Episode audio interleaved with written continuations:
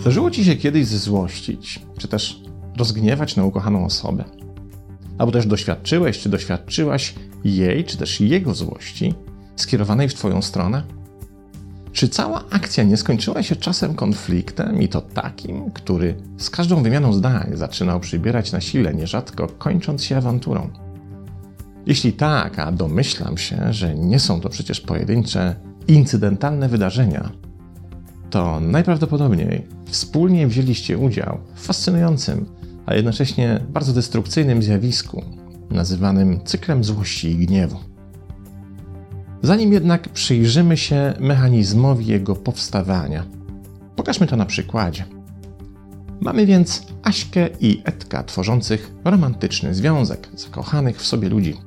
Od jakiegoś czasu mieszkają razem, dzieląc wspólne życie zorganizowane według tej samej logistyki relacji, wspólnego spędzania czasu, dzielenia troski radości, miłości i seksu, wspólnego prowadzenia domu, finansów i spełniania podstawowych życiowych potrzeb. Pewnego dnia Edek w swojej zawodowej pracy ponosi porażkę. Nie dość, że nie otrzymał oczekiwanej podwyżki, to jeszcze na dodatek firma w ramach oszczędności nieco obniżyła mu pensję. Po prostu od najbliższego miesiąca Edek będzie zarabiał mniej.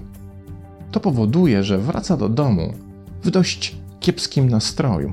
Co tu dużo mówić, jest rozżalony i zmartwiony rychłym pogorszeniem kondycji finansowej. Kiedy przekracza próg mieszkania, zastaje w nim Aśkę siedzącą na kanapie, która na jego widok wstaje, okręca się dookoła własnej osi, z dumą demonstrując nową, właśnie kupioną sukienkę. Popatrz, woła radośnie Aśka, podoba ci się w tej nowej kiecce? Była akurat wyprzedaż i udało mi się ją kupić już za 500 zł. Wiesz, takiej okazji nie mogłam przepuścić. Na ten widok w głowie Edka powstaje, delikatnie mówiąc, emocjonalny huragan. To on traci dochody, zastanawia się, jak to wpłynie na ich finansową płynność i z czego w przyszłym miesiącu trzeba będzie zrezygnować? A tasę kiecki kupuje? I to za pięć stów? Co ta kiecka ze złota jest, czy co? Oczywiście wzburzenie Edka po nim natychmiast widać. Co więcej, nie potrafi on się powstrzymać od złośliwej uwagi. No, pięknie, pięknie szastasz naszymi pieniędzmi. Teraz przenieśmy się do głowy Aśki. Tam również w reakcji na to, co powiedział Edek, zaczyna się rozpętywać burza. Przecież tak się cieszyła zdobyczą i tak bardzo chciała się spodobać Edkowi. Tyle razy marudził, że chodzi w spodniach, ukrywając zgrabne nogi, więc teraz ta kiecka miała być też dla niego, a ten chami burak w ogóle tego nie potrafi docenić. Aśka więc wypala bez zastanowienia. To, że matka cię wychowała jak kot bez gustu i ubierającego się jak ostatnia fleja, nie oznacza, że każdy musi wyglądać tak obciachowo jak ty. Już wiemy, prawda, co się stanie w głowie Edka. Za każdym razem uwaga dotycząca zarówno jego matki, jak i jej metod wychowawczych rozgrzewa go po prostu do czerwoności. Oczywiście nie musimy kontynuować tego przykładu, by zorientować się, jak to wszystko się skończy. Awantura wisi w powietrzu i z każdym kolejnym wypowiedzianym do siebie kąśliwym zdaniem staje się coraz bardziej oczywista. Kiedy wybuchnie, oboje zakochani powiedzą sobie kilka gorzkich słów, których oczywiście później będą żałować. Potem będą musieli przejść przez ciche dni, później przez próby pojednania, przeprosiny i jeśli wszystko dobrze pójdzie, sprawa zakończy się w sypialni, zaś jeśli źle, z pakowaniem walizek i wyprowadzką jednej ze stron. Oczywiście powyższy przykład mógłby zostać skonfigurowany odwrotnie. To Aśka mogłaby wrócić z pracy z wisielczym humorem po utracie wyczekiwanej premii, a Edek siedzieć na kanapie z drinkiem w ręku. To bez znaczenia. Znaczenie ma tutaj jedynie mechanizm cyklu złości i gniewu, w który oboje się nawzajem wkręcili. Jak to działa? Tutaj posłuszmy się przykładem podanym przez amerykańskiego psychologa Arasha Emamzaheda na łamach Psychology Today. Mamy więc związek osoby X z osobą Y. Kiedy osoba X doświadcza gniewu, w jego efekcie zaczyna się destrukcyjnie zachowywać w stosunku do osoby Y. Ta zaś jest oczywistym odbiorcą destrukcyjnych zachowań osoby X, więc sama reaguje gniewem.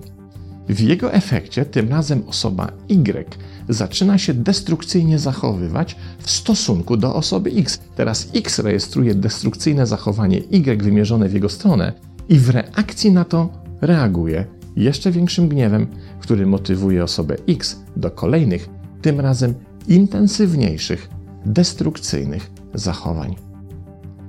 I w ten oto sposób powstaje cykl złości i gniewu, który zaczyna napędzać sam siebie i prędzej czy później stanie się na tyle duży, że coraz trudniej będzie go przerwać. Co więcej, w efekcie tego cyklu zarówno osoba X, jak i osoba Y będą się zachowywać względem siebie coraz bardziej irracjonalnie. Pojawią się wyolbrzymione celowo problemy, nie do końca słuszne oskarżenia i podejrzenia oraz przepotężna dawka negatywnych emocji z tendencją do wzajemnej energetyzacji. Pojawią się komunikaty, których później obydwie strony będą żałować i co tu dużo mówić, również się wstydzić.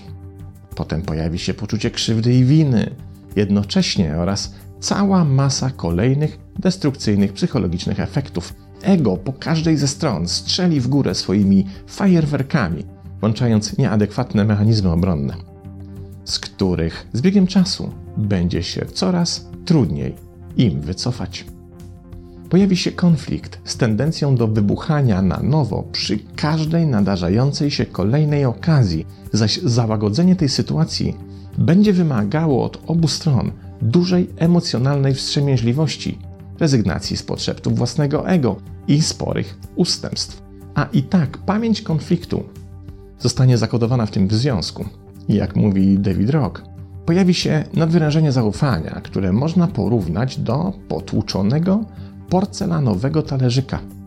I owszem, po pierwszej awanturze można go jeszcze skleić, by nawet nieźle wyglądał. Ale z każdą kolejną awanturą ten ciągle tłuczony talerzyk będzie coraz trudniej posklejać, aż pojawi się taki moment, w którym roztrzaska się na tak drobne kawałeczki, że jego sklejenie przestanie być już możliwe. Przyciężkawa wizja, prawda? W 2018 roku przeprowadzono badania siłami trzech uniwersytetów z Kopenhagi, z Maryland i Południowej Karoliny, chcąc się dowiedzieć, czy konkretne cechy osobowościowe, takie jak na przykład ugodowość, czy też zaangażowanie partnerów w swój związek, są w stanie osłabić rozwój cyklu złości i gniewu w relacjach. Przebadano wówczas 96 heteroseksualnych par, z czego 14% stanowiły małżeństwa, zaś pozostali pozostawali w ścisłych związkach, dzielących wspólne mieszkanie. I niestety wynik badań dobitnie pokazał, że taka cecha jak ugodowość jednej ze stron i owszem, ma wpływ na obniżenie natężenia cyklu złości i gniewu, ale wyłącznie w wypadkach, w których złość i gniew były na dość niskim poziomie. Kiedy jednak trafiały się sytuacje ze stosunkowo dużym poziomem złości czy gniewu, ugodowość nie miała najmniejszego wpływu na powstawanie konfliktu. Podobnie rzecz się miała z zaangażowaniem w związek.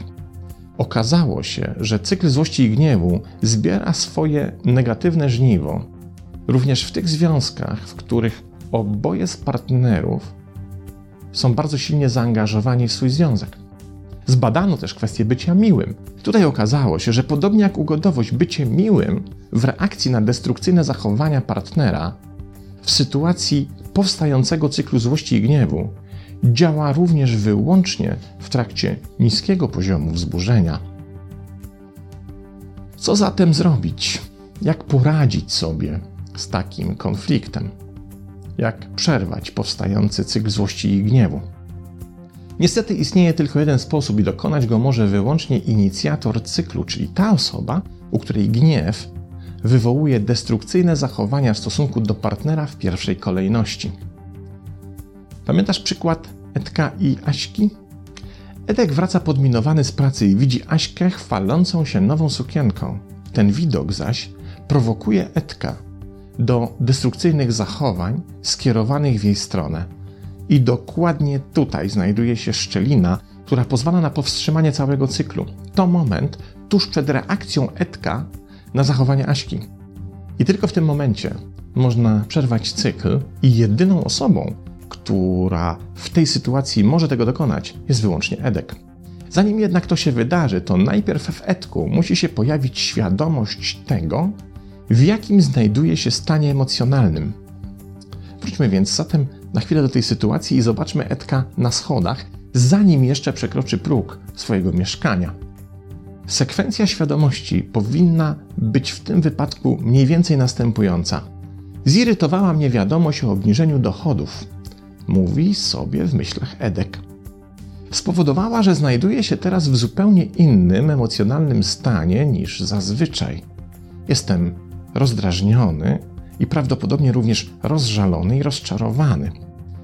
Te emocje, które teraz obserwuję w sobie, będą pewnie miały wpływ na moje zachowanie w stosunku do innych osób, a to oznacza, że najmniejsze przejawy z kolei ich zachowań, które mi się nie spodobają, będę odbierał jako niezwykle drażniące i to będzie nakręcało we mnie skłonność do negatywnych reakcji.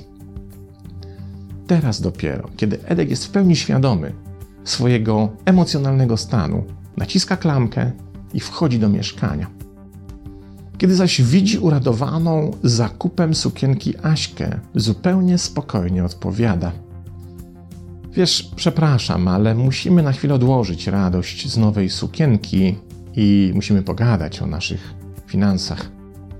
Okazało się dzisiaj, że od przyszłego miesiąca będę zarabiał mniej. Trzeba jakoś ogarnąć wspólnie tę sytuację. Czy Edek w ten sposób odbierze radość Aśce? Czy spowoduje u niej pogorszenie nastroju? Oczywiście, że tak, bo przecież Aśka nie była niczego świadoma, kupując sukienkę. Więc teraz pojawi się w niej dodatkowo poczucie winy, jednak świadomy emocjonalnie Edek przewidział i to, bo mówi: Nie obarczaj się wyrzutami sumienia. Przecież kupując sukienkę nie wiedziałaś o rychłym spadku naszych dochodów. Poza tym, tak naprawdę ten problem nie pojawia się teraz, ale dopiero za miesiąc, więc mam jeszcze czas, by wspólnie sobie z nim poradzić. I tak dalej, i tym podobne. Oczywiście oboje nie będą tego dnia tryskali humorem, ale jeśli Edek zachowa się mniej więcej w powyższy sposób, to na pewno się nie pokłócą i cykl złości i gniewu nie będzie miał szans, by się pojawić i rozwinąć. A teraz zostawmy Edka i Jaśkę i skupmy się na samym mechanizmie. I odpowiedzmy sobie na pytanie, czy przed osobą X stoi trudne zadanie? Powiedzmy sobie szczerze, bardzo trudne. Trzeba przecież poradzić sobie z wewnętrznym wzburzeniem i naszą naturalną tendencją do przelania za nasz zły humor odpowiedzialności jeszcze na kogoś innego. Bo w ten sposób wydaje nam się, że spoczywający ciężar na naszych barkach będzie lżejszy. Ale to nieprawda. Nie dość, że się go nie pozbywamy, ale pozwalając na eskalację cyklu złości i gniewu, powodujemy, że jest nam jeszcze gorzej. Nie tylko nam zresztą, ale też osobie, którą przecież kochamy, prawda? Pozdrawiam.